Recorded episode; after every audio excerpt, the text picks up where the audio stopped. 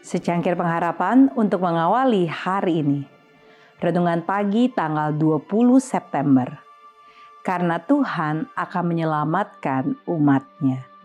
Yeremia 31 ayat 7 mengatakan, Sebab beginilah firman Tuhan, bersorak-sorailah bagi Yakub dengan sukacita.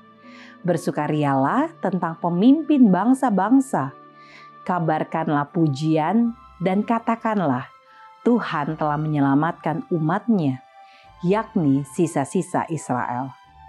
Dalam penglihatan, saya melihat dua tentara sedang dalam konflik yang mengerikan.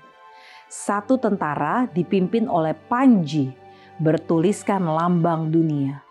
Yang lainnya dipimpin oleh Panji Pangeran Immanuel yang berlumuran darah.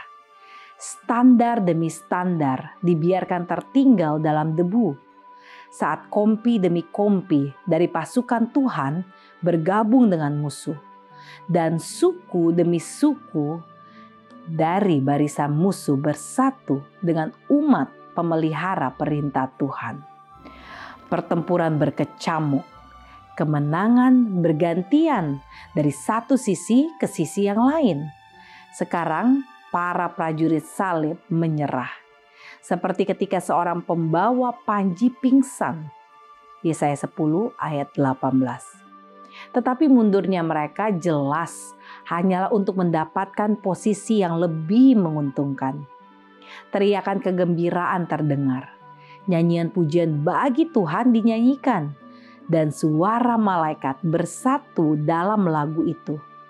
Saat tentara Kristus memasang panji-panjinya di dinding benteng sampai kemudian dipegang oleh musuh.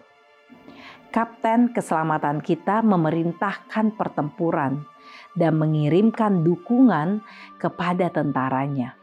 Kekuatannya ditampilkan dengan hebat sekali, mendorong mereka untuk mendesak pertempuran hingga ke gerbang.